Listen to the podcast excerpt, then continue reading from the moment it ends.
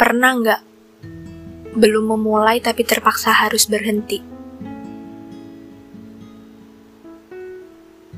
Iya dia aja nggak tahu kalau kita punya perasaan ke dia. Dia aja nggak tahu kalau kita diam-diam ternyata suka merhatiin dia dari jauh.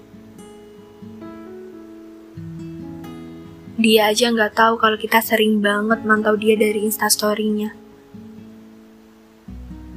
Tapi beberapa menganggap bahwa ini adalah mencintai paling menyenangkan dan aman. Nggak apa-apa kalau sampai sekarang ternyata harus jatuh cinta sendirian. Ya karena memang itu kan kenyataannya. Kalau kata TikTok mah, kalau ada yang lebih indah dari intro lagu sempurna, ya mungkin itu adalah caraku buat gak nunjukin kalau sebenarnya sesuka itu aku sama kamu.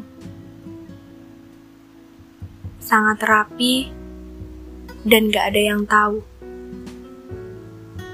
Terkesan indah namun nyatanya juga yang paling menyakitkan.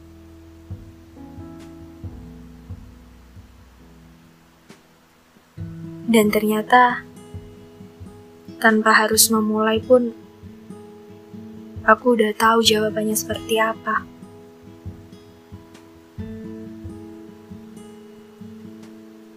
Aku gak akan pernah bisa buat menjadi seseorang yang katanya spesial di hidup kamu. Karena tanpa aku sadari, ternyata udah ada seseorang yang menempati di posisi itu di hidup kamu.